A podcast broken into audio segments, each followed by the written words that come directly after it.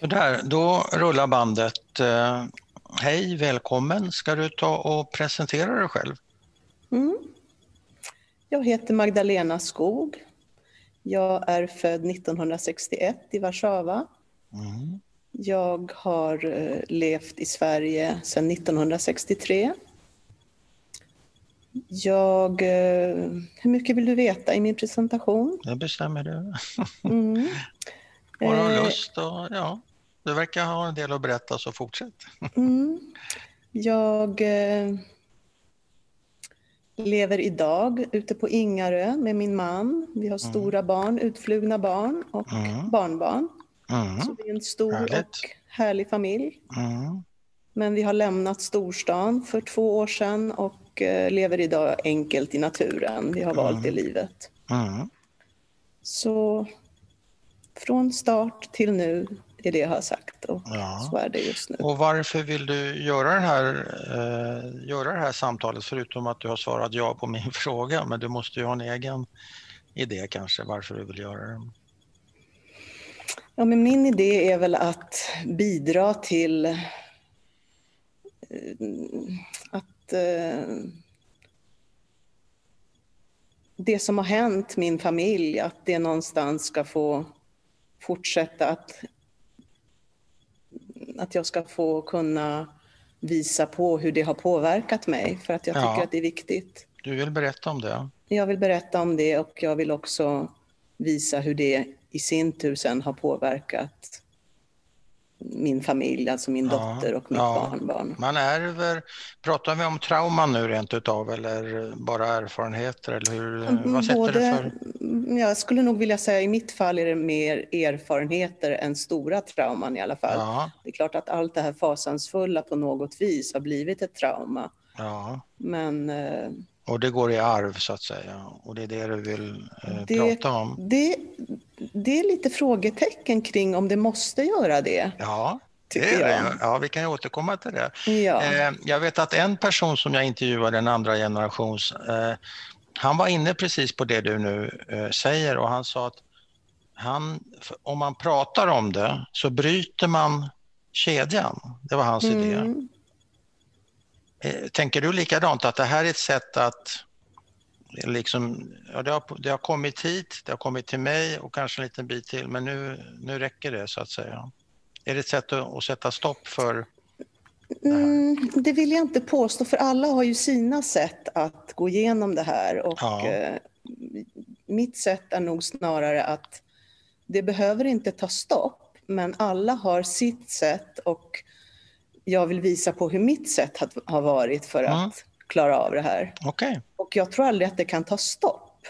Nej. Utan jag tror att det kommer leva i oss på olika sätt. Ja. Men det är hur vi hanterar det som är det viktiga. Ja, men även dina barn och barnbarn? Så ja, du fortsätter redan, leva i dem? Jag tycker redan att jag har sett det på ja. olika sätt. Ja, Okej. Okay. Var ska vi börja någonstans tycker du? Det bestämmer du. Ordet är ditt. Jaha, det bestämmer jag. Jag följer dig. Jag tycker det är lättare att följa ja, dig. Eh, det är ju roligt att snacka med dig eftersom jag har fått eh, förmånen att prata med din pappa i, i den gamla podden om vi kallar den för det. Mm. Så det är ju känns, känns alltid lite märkvärdigt när man kan följa upp ett sådant samtal med nästa generation. Mm. Så det, det är, du sa att det var innan här att det var lite pirrigt för dig, men det är lite pirrigt för mig också av den anledningen. för att det är nästan som att man har, vad är din pappas smeknamn? Är det Bollek? Mm, det stämmer. Ja, det är nästan som att jag har honom på mina axlar om du förstår, mm. utan att överdramatisera det hela. För det, vi hade ett sånt fint möte och till saken hör jag, för de som inte vet det, du var ju också med. Mm. Och jag var med och lyssnade. Ja, du var med och lyssnade och deltog mm. och var oerhört närvarande. Och du hade väl också med dig ett barn, det vill säga ett barnbarn, eller hur var det? Eh, Felicia var med, min ja, dotter, ja, eller Pelle som ja, min dotter. Ja. Det vill säga Bolleks barnbarn. Mm. Och det blev ju oerhört känslosamt där runt bordet till slut och vi satt Absolut. ju och, och snyftade och grät och så att visserligen sa väl inte du så mycket, du kanske yttrade ett eller annat ord under de där timmarna. Mm. Men, du, men, du, var väldigt närvarande. Så mm. det är som att återknyta, det är som en fortsättning på det samtalet. Jag skulle vilja då kanske ändå att du kort berättar om dina föräldrar lite kort. Mm. Kort, lite kort. Absolut. Eh, min mamma Jadviga eh, hette under kriget Kersh och sen mm. bytte de namn till Kalinski. Mm. Eh, född i Warszawa 1925, mm. förlåt 26. Mm. Och eh, satt i gettot i Warszawa under kriget. Och sen när upproret kom så hamnade de i historien av att eh, överleva olika, eh, i olika lägenheter på vindar, gömda av polska familjer som blev deras vänner, var deras på, vänner sedan På den så kallade ariska sidan alltså? Exakt. Hon flydde, hon flydde över? Ja. Och var det därför hon bytte namn? Ja, de bytte namn för att klara sig så, så fint som möjligt under kriget, ja, så gott det nu gick. Och ja. Eh, deras utseende var inte speciellt judiskt, men deras Nej. namn var ju väldigt judiskt. Så för att gömma sin identitet så bytte de alltså namn till Kersh. Men vilka är de? Äh, till är, det, ja, är det mamma de och pappa är, eller är det mamma och hennes föräldrar? Eller vilka mamma, är de? hennes föräldrar och hennes bror. Okej, okay. det är de vi pratar om nu. Ja. Och de blev Kalinski? De blev Kalinski. Och klarade sig alla eh, på, på den ariska sidan? Alla klarade sig, eh, men min mamma och min morfar eh, eh, kom till Tyskland. Och morfar som var skräddare fick jobb i Tyskland.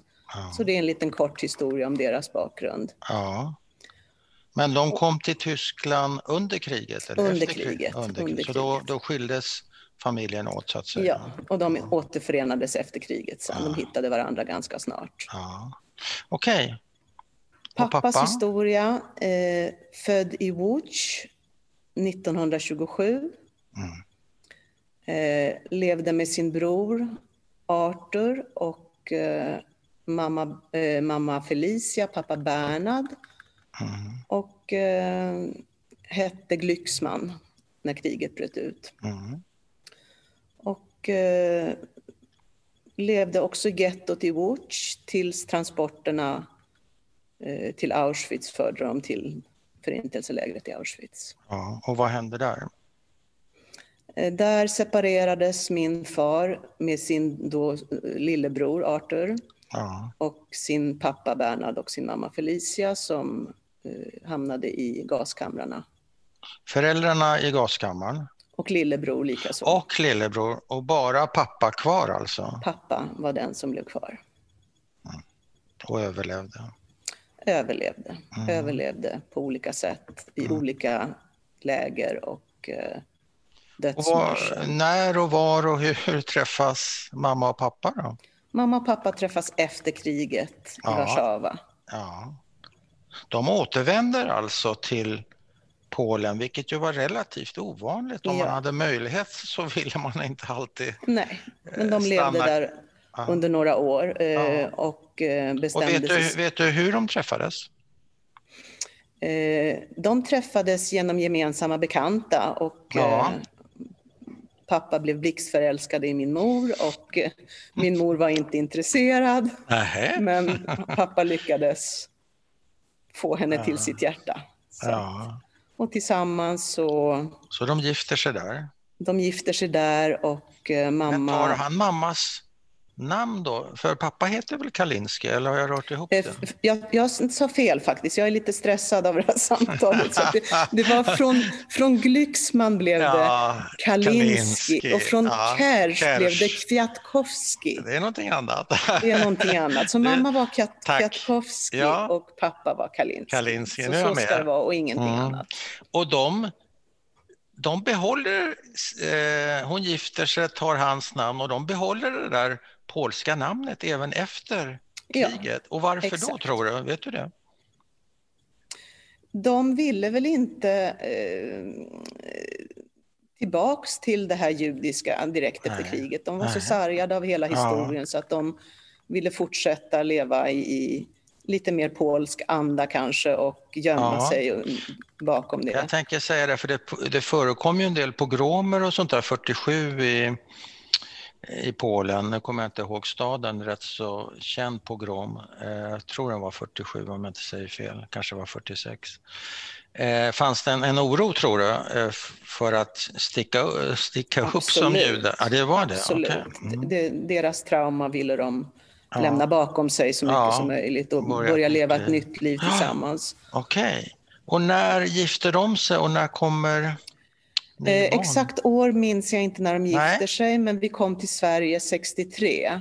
Men du är född 61 i Jag är Warszawa? född 61 i Warszawa och min ja. bror är född 57 i Warszawa. Så, så det var en familj där ett par år, alltså rätt många år till och med? Ja, faktiskt. Och, och varför, varför flyttade de 63 till Sverige då? Vet du det? På grund av rädslor för förföljelser helt enkelt. Det var så? Så de ville definitivt vända blad och hitta ett ja. nytt liv i ett annat land. Och så de, de förutsåg kanske till och med vad som sen kom att hända 68, möjligt. 69? Men mycket det, möjligt. Det är en spekulation. Ja. Så de kommer till Sverige och vart kommer ni då? Eller de, ni kommer till Sverige? Vi kommer till, först var mamma och pappa och gjorde en de rekogniserade läget. Ja. Och eh, sen kom de, när allting ordnade sig med, med bostad och jobb, de visste ja. att det skulle kunna fungera, de skulle kunna bygga upp ett nytt liv i, i Sverige, så hämtade de mig och min bror, min eh, mormor och morfar och min morbror kom också sedermera ganska snart efter till, till Sverige. Och, och vart eh, hamnade ni? Vi hamnade i Stockholm. Ja. Olika lägenheter, Bromma, eh, söderförort och sen eh, till Farsta kom vi när jag var fem år. Men var det några problem på den tiden som polsk medborgare att vilja lämna? Eller var det, det var väl problem? Det, det var problem, men ja. min mamma hade en läkarutbildning och den var man rätt intresserad av i, i Sverige så att ja. därför gick det lättare för henne än, än vad, vad, mamma och pappa kanske trodde. Aha, så, att, okay. eh, så var började hon jobba eh, någonstans, mamma? Eh, hennes första jobb var på Karolinska om jag inte minns fel. Mm. Som och, läkare? Eh, som läkare. Och mamma och pappa lärde sig språket och ja. mamma gjorde en eh, specialisering till. Från Polen var hon hematolog och sen läste ja. hon till invärtesmedicin. Så hon studerade samtidigt eh, en ny inriktning och, inom läkaryrket och språket. Och, och pappa, pappa vad, pappa pysslade han med? Pappa hamnade på elverket i Stockholm. Han var civilingenjör i Polen. Ja. Ja. Och eh, vi hade med oss en barnflicka som, som jag och min bror knöt an till väldigt mycket eftersom det var ganska svåra tider. Vi började från ingenting och Aha. mamma och pappa var väldigt upptagna med att skaffa oss ett fundament i, i ett nytt land. Så att, eh, men hörde de, vad ska vi kalla dem, vad, ska, vad är rätt ord? Elit är ett rätt så hårt ord, men det, det, låter som att ni hade haft det rätt så bra på sätt och vis i Polen, ekonomiskt och statusmässigt. Ni, föräldrarna var ju välutbildade och så vidare. Ja, absolut. Var de partimedlemmar? I kommunistpartiet under kriget. Ja, ja, och ja. Eh, sen vet jag inte hur övergången Nej. blev till något, något annat, Nej. någon annan inriktning. Nej. Och brorsan, hade han några synpunkter på att bli uppryckt? För du var ju inte så gammal kanske, men han var ju lite äldre, 57 ja. till 63, han var sex år i alla fall. Ja, han kanske. har ju mer minnen från Polen än vad jag har. Det, ja. det är klart att, att det var mer upprivande för honom än för ja, mig. och det dig, kanske nej. har satt sina spår också. Ja. Men eh, jag hade ju barnflickan som jag tydde mig väldigt, väldigt mycket till, som jag fick väldigt starka band till. Så att eh, jag hade det ganska bra i den här övergången, du tror jag. Det. Jag har ja. inte så mycket minnen, men Nej. känslan är inte att det var... Och ni pratade polska förstås då, du och barnflickan? Ja, så att polska var ju mitt första språk. Ja. Och för och min hur lärde, två hur lärde du svenska då? Jag lärde mig svenska för att jag började umgås med svenska barn. Jaha. Och, ja, så... I Farsta, eller var någonstans? Eh, I början, vårt första hem var i Alvik. Ja. Så därifrån har jag väl lite minnen om hur, ja. hur jag lekte med barn på gården. Och ja. Jag minns inte att det var något problem, från kroppsspråk till nytt språk. den, den, övergången blev ganska naturlig. Och eh, Mm. Svenskan, ja. Va, har du något tidigt minne från Sverige? Vad fick du för något intryck av det här?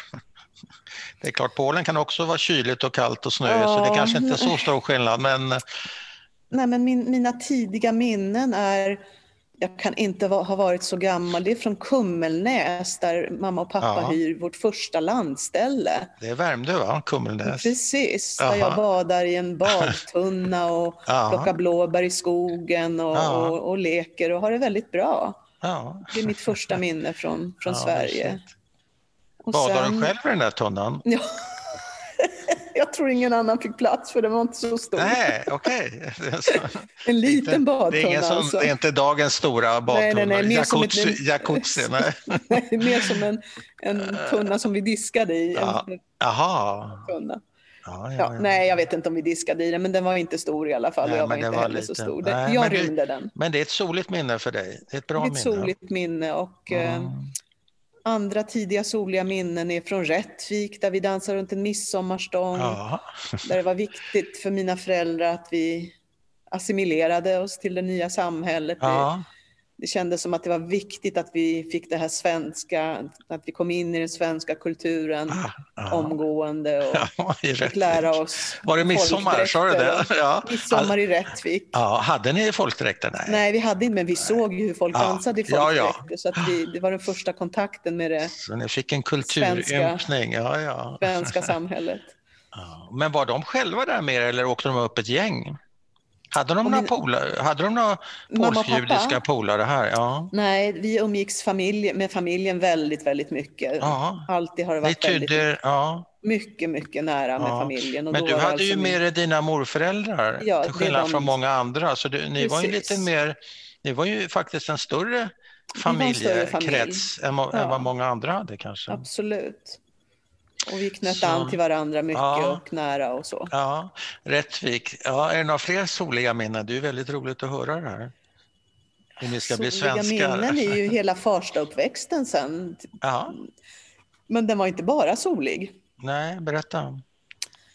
Den var inte bara solig för att eh, jag blev väldigt överbeskyddad. Ja mina föräldrar var rädda för, för, att det skulle hända mig och min bror någonting hela mm, tiden. Mm. Mm. Mina föräldrar hade också mist ett barn i, i ung ålder i, Polen. Så att mm.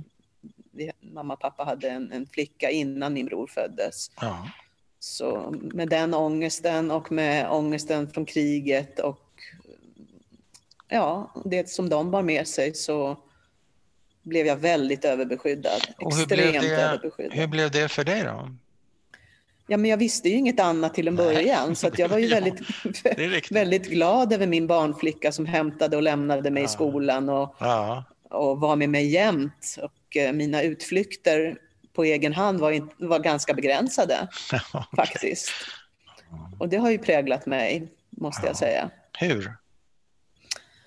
Eh, hur har det präglat mig? Till eh, till rädslor. Mm. Till rädslor, till osäkerhet, till eh, mm, ja, emotionell instabilitet kanske. Ja, eh, det sistnämnda låter ju som att det är någonting som bor i dig. Det här första, rädslor och sånt där, är det sånt som gäller din, eh, dina... Har du flera barn?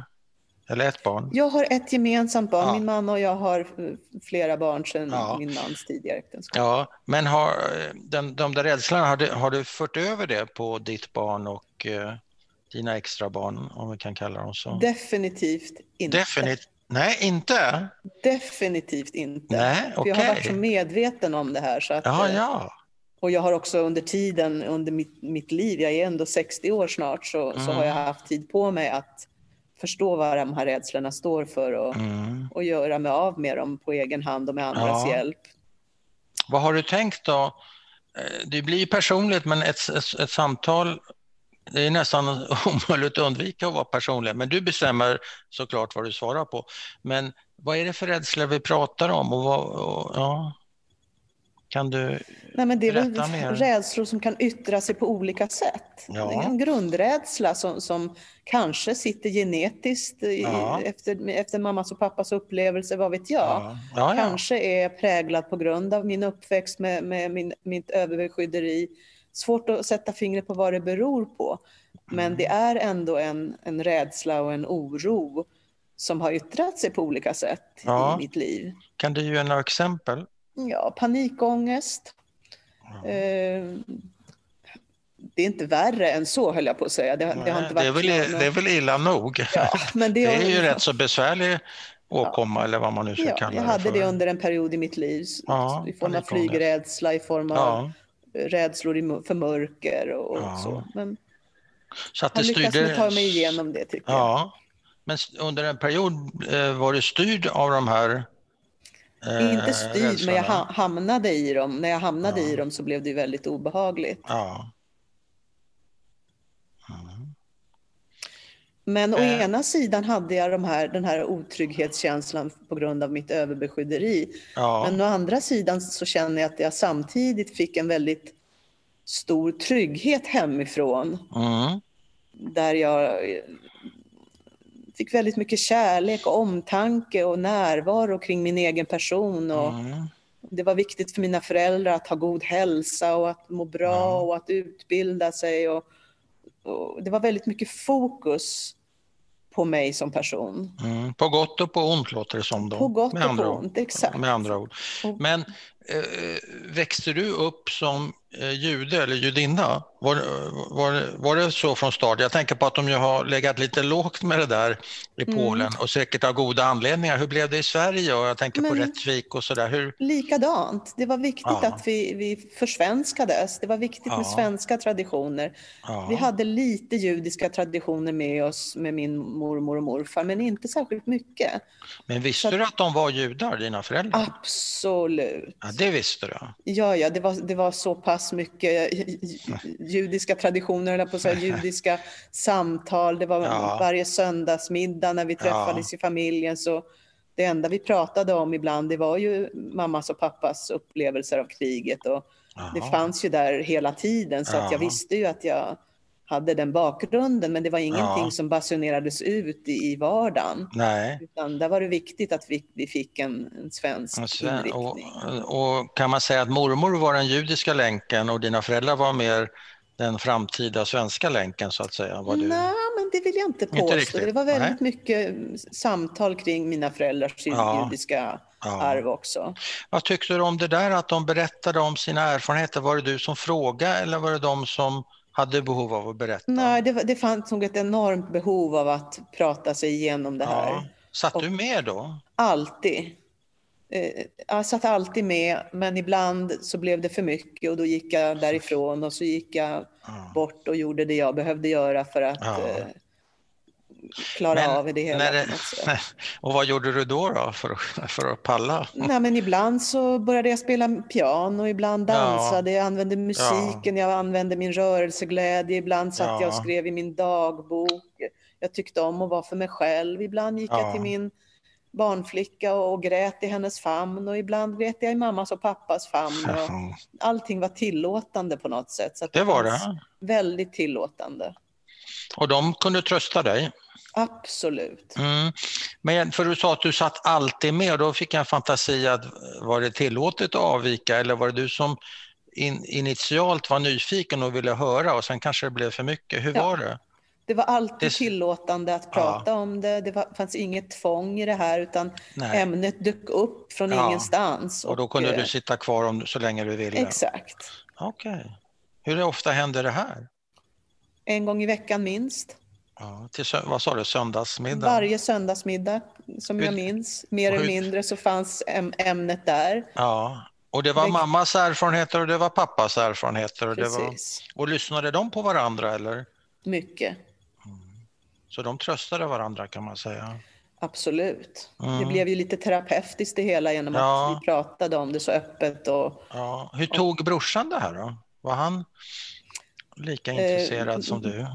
Brorsan har också varit intresserad men han har en annan upplevelse av min pappa efter kriget än vad jag har. Han har blivit mera eh, det får ju han berätta om sin historia, ja. men han har blivit mera eh, påverkad av pappas eh, Även om pappa kunde prata om det här öppet så hade han också sidor där han hade sammanbrott, där han bröt ihop för att saker och ting blev för mycket för honom ja. när han kom i kontakt ja. med, med, sina upplevelser och där ja. mamma eh, fanns som en lugnande person vid hans sida på olika sätt. Men där vi barn fick eh, uppleva hans hemskheter på, utifrån ett annat perspektiv än bara det berättande perspektivet. Ja, och det kanske var jobbigare för honom som pojke att se pappa än för dig? Jag vet inte. Av olika anledningar så blev han mer drabbad. Ja, han blev mer drabbad. Okej. Okay. Men det, det, är hans berättelse, du har, du har rätt. Men eh, mamma då, var hon, var hon stabil i stormen? Eh, bröt inte hon ihop? Och Nej, mamma var skrek? stabil. Ja. Nej, mamma var stabil i stormen. Hon hade ja, eh, nära till sina känslor också, men hon... Ja. Eh, vad ska jag säga? Hon men hon, hon var ju inte, riktigt så... lika hårt kanske drabbad Exakt. med tanke på familjeförlusten om man ska, utan att förminns, han hade en större förlust. Kanske. Han hade en större förlust och han hade ja. enormt mycket större trauman enligt ja. mitt sätt att se på det. Ja, och dåligt samvete. Han kanske hade dåligt samvete för sin bror och sina föräldrar, vad vet man? Inte som han berättade om, Nej. men han, han, han, har ju varit så nära döden så många gånger och ohyggliga traumatiska upplevelser ja, från verkligen, kriget. Verkligen. Det har ju funnits i honom ja. på olika sätt. Så mamma var st stabil där alltså och hade, hade bättre kontakt med sina känslor? Eller ja, eller strategier också till ja, viss del. Hon hade, hon... Men när fattar du att för man, kan man säga att dina föräldrar var skadade? Kan man uttrycka sig, ja, pappa lever ju, men att de hade skadats av kriget och för, förintelsen, kan man uttrycka sig Absolut. så? Okay. Absolut. ja, jag vill inte gå över någon gräns, men Nej. när fattar du som barn att mina föräldrar, det är klart man har bara den barndom man har, som du sa tidigare, det är riktigt. Men när fattar du att de är också traumatiserade, mina föräldrar? Oh, när förstår jag det? Men jag förstår ju det när pappa berättar och gråter och eh, reagerar på, på saker ja. och ting. Och det minns jag ju från, redan från tiden i Farsta.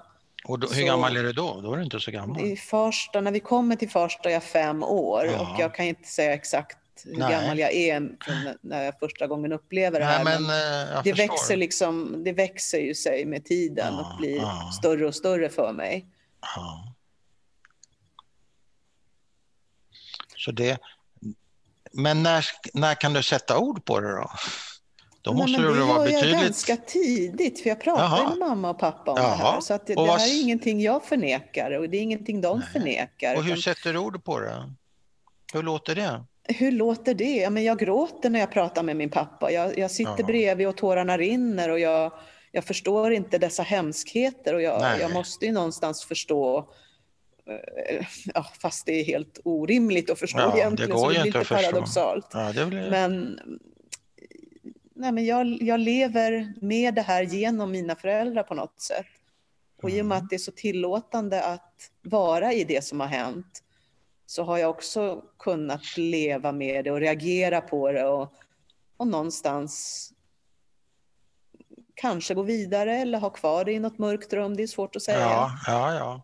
Men, Men hantera det kanske man kan säga. Ja, hantera det, så kan man säga. Mm. Och kom du i eh, någon slags upprorsperiod i ditt liv med tonår, alltså som tonåring och sånt där, eller hur blev det för dig? Har du gjort uppror mot dina föräldrar? Väldigt, väldigt mjukt uppror skulle jag vilja säga. Ja. mjukt uppror, ja. eh, nej, men jag har... I mångt och mycket så har jag ju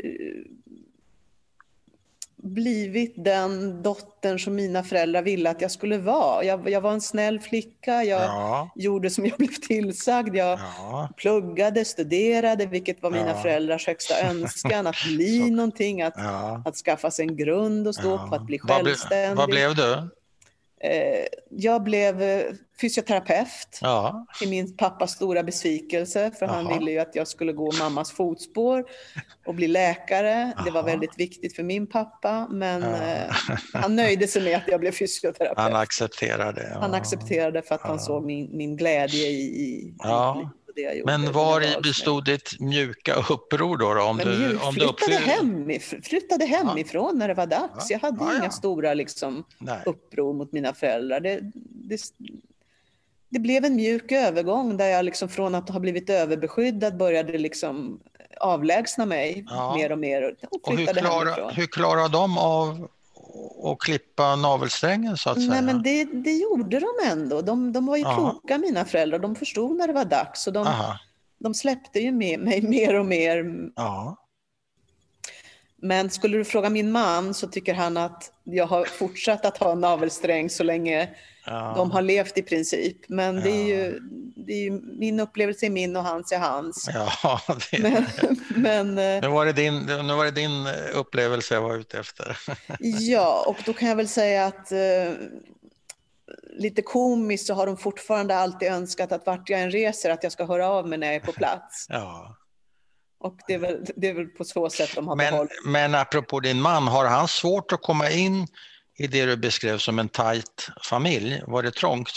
Nej, eh. han, han var alltid, det fanns alltid en, en öppen famn och ett välkomnande. Ja, ja. Inga, inga, allting var som det skulle. Det funkar, ja. ja. Men eh, rent allmänt när du kommer i den åldern, inte vet jag, 16, 17, 18 och börjar släppa hem eh, killar mm. från, från när och fjärran, hur mm. reagerar de på det? Jättebra. Mm. Inga konstigheter. Och inga synpunkter? Synpunkter fanns det, men de, de pratade vi om. Det är klart att det fanns synpunkter. Vad var det för synpunkter? Nej, men jag kommer ihåg en, en historia från, Pol, eller från Polen, från Farsta, när jag ja. Eh, inte är så gammal och leker med killarna i skogen och, och, pappa har synpunkter på att man sitter inte och pussas med killar i, i buskarna. Och, och, men det var mer på en skämtsam nivå. Ja, Ögonen ja. hade jag väl på mig, men, men nej, allting välkomnades på ett naturligt sätt någonstans. Ja, det blev ja. inga konstigheter av, av min, min utveckling, min tonårsutveckling sen och min, min, min, min tid när jag flyttade hemifrån. Nej. Du sa tidigare att du, du ville berätta om vilka strategier som du har haft och eh, som rörde dig men också rörde ditt barn och barnbarn. Om jag förstod dig rätt. Ja, eh, är det rätt uppfattat? Ja, det kan man väl säga. Mamma hade ju som jag sa strategier tyckte jag för att lugna, ja. ner, lugna ner saker och ting. Ja. Dels var hon läkare och när, när det ville sig riktigt illa så fick ju pappa en Sobril av min mamma för att det, det blev liksom för intensivt och fruktansvärt ja. jobbigt. Ja. Och, men eh, det där terapeutade de sig ur så småningom på ja. egen hand med, ja. med varandras det är fantastiskt. Kanske jag ska säga kärlek till varandra och ja. kärlek i familjen. För det var väldigt mycket öppet och älskvärt i familjen där vi har stöttat varandra. Det är väl också styrka va? Det är en fantastisk Som styrka. måste till. Ja. De var riktiga överlevare, båda dina föräldrar. Ja. Och där min mamma kanske då hade lite strategier där hon kanske gömde sig lite grann bakom sina känslor i, i ja. viss mån. Ja. Men jag kan Hur menar säga... du med det? Gömde sig bakom sina känslor? Vad betyder ja, det? vad betyder det? Att hon inte alltid grät så öppet som min pappa gjorde när hon berättade Nej. sina historier utan hon höll ihop sig själv lite mera. Och, ja. Men ändå, hon var ju inte, hon hemlighöll ingenting. Och, Nej. och eh, kanske hade en, en lite mera pågående stress i sig genom hela livet medan pappa Aha. avreagerade sig och mm. kunde befinna sig i ett lugn efteråt. Medan min Aha. mamma kanske bar på någonting Aha. genom hela livet och eh, sprang genom livet lite grann skulle jag vilja säga. Vem är du mest lik? Jag har sprungit mycket jag också, men jag har som 60-åring börjat landa väldigt mycket mera och förstår varför jag har sprungit. Så att jag har båda, båda i mig. Ja, ja. Väldigt mycket. Ja, men vi pratar om, eh, kom och prata om dina strategier och jag, tänk, jag, jag tycker det är så intressant också med generationsperspektivet, va? hur saker och ting flyttas vidare eller inte flyttas vidare eller förändras mm. och så mm. vidare. Jag tycker det är superintressant. Eh, min dotter, eller min mans och min dotter Felicia, hon har också alltid deltagit i de här samtalen. Mm. Där min man, kanske mer än jag, har varit orolig för vad som ska hända med henne om hon tar del av det. Mm. Medan jag med min erfarenhet har trott att om det har fungerat för mig mm. så kan det fungera för henne också. Mm. Så att jag har gjort det så naturligt som möjligt. Mm. Om man nu kan kalla det för naturligt i det här hemska onaturliga. Men, men ändå att vi har varit i det som har, har pågått. Mm. Och eh, Felicia har vuxit upp med det här och jag tycker att hon har accepterat och reagerat och eh, gjort sin resa i det här också. Mm. Och eh, jag har då med min djupa medvetenhet som jag ändå tycker att jag har, har bestämt mig för att jag aldrig ska göra som mina föräldrar gjorde när det gäller vissa saker som jag tyckte påverkade mig på ett negativt sätt. Mm. Och det är just det här med att överbeskydda, bland mm. annat. Mm. Att sätta en skräck i, i mig som, som jag ändå hamnade i. Eh, på grund av att det fanns så mycket att vara rädd för, inte på grund av kanske deras direkta upplevelser, men det finns så mycket att det är kopplat till deras upplevelser, men ja. det finns så mycket i livet som man kan vara rädd för. Men behöver... hur har du gjort för att inte upprepa deras trauma som de har planterat i dig för att inte skicka det vidare till din dotter? Hur gör man det? Jag, det finns ju ingen allmän regel för det, men min väg har varit att, att acceptera det hemska. Det låter kanske hemskt att säga det också, att acceptera, men mm. inte acceptera det som har hänt, men acceptera mina känslor av det som har hänt. Mm. Att leva i det och med det. Mm. Och att inte fastna i det, utan sätta det i någon sorts rörelse där allting får finnas. Ja.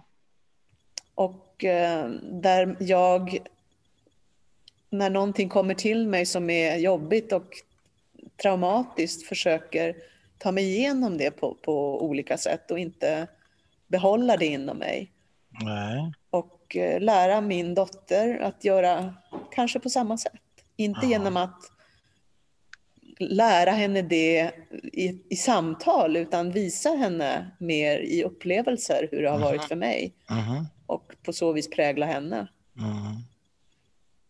Men du sa att du, det var flera saker som du hade bestämt att så där ska inte jag göra. Och, det, det, och då blir jag nyfiken på vad är det mer?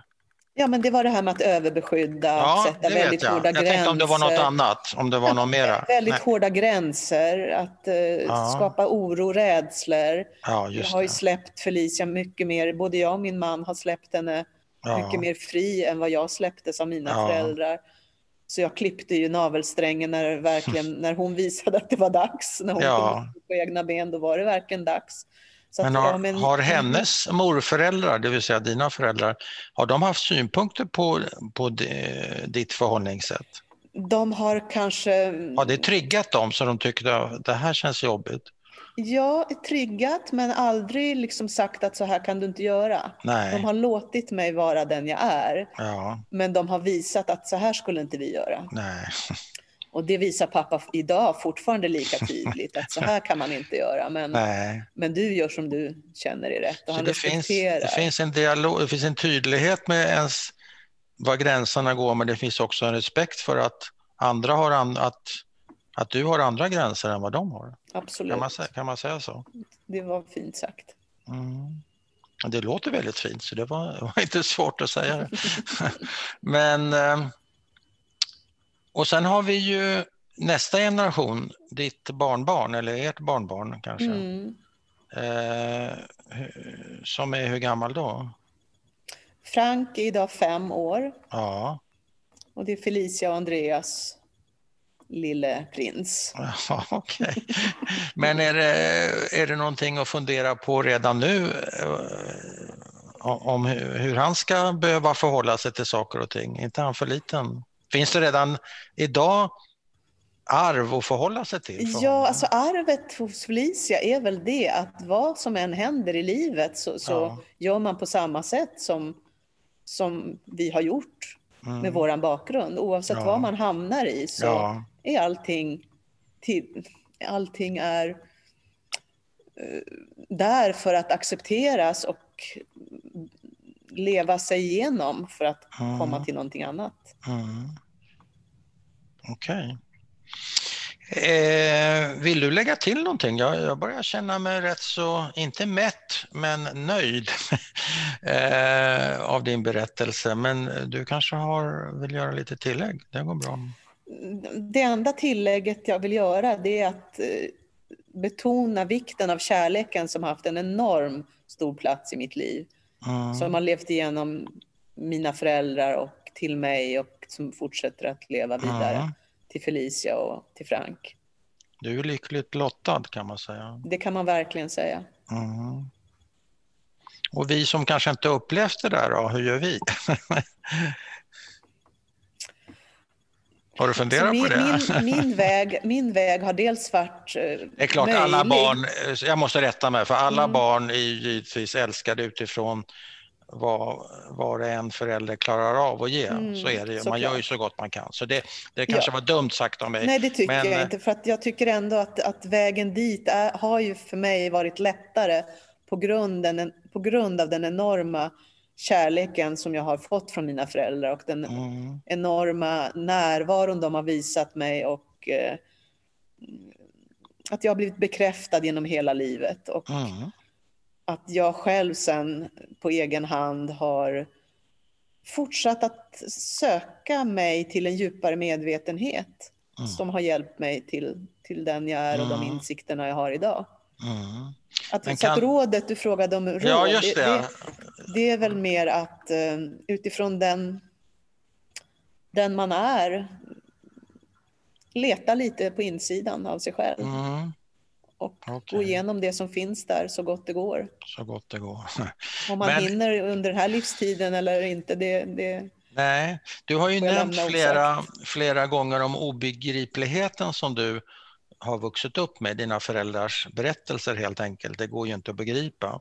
Men kan du idag, kan du, nu när du är vadå, 60 eller vad sa du att du är? Mm.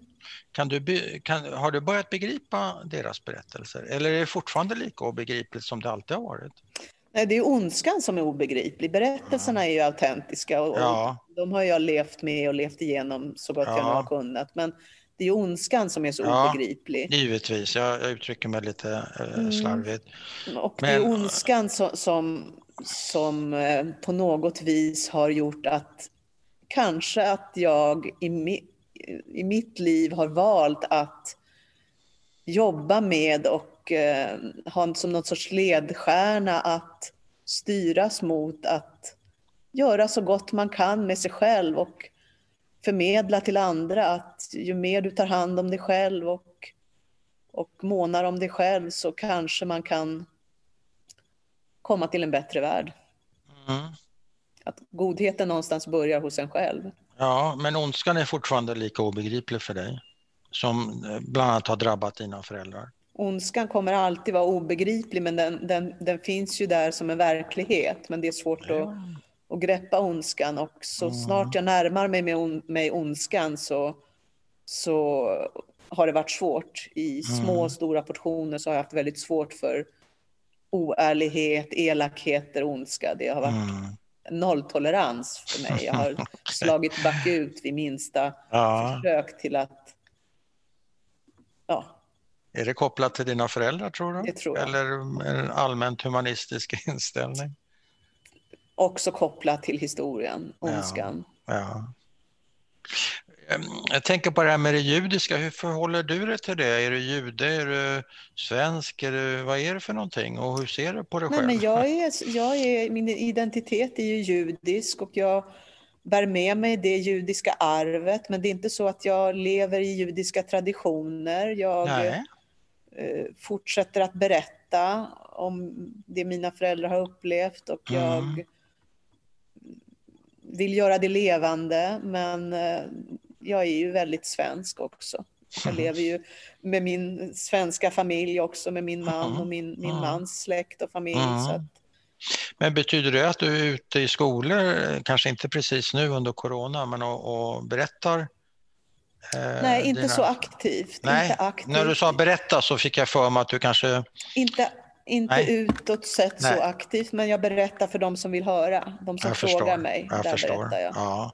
Och du, du har inte Eh, den kanske förändrades men, men mamma och pappas lite försiktiga inställning till det judiska, att ligga lågt och behålla sitt polska namn och sådär. Eh, du, du har inte ärvt den försiktigheten, låter Nej. det som. Inte alls. Jag, jag ärvde en försiktighet i att prata polska när jag kom till Sverige.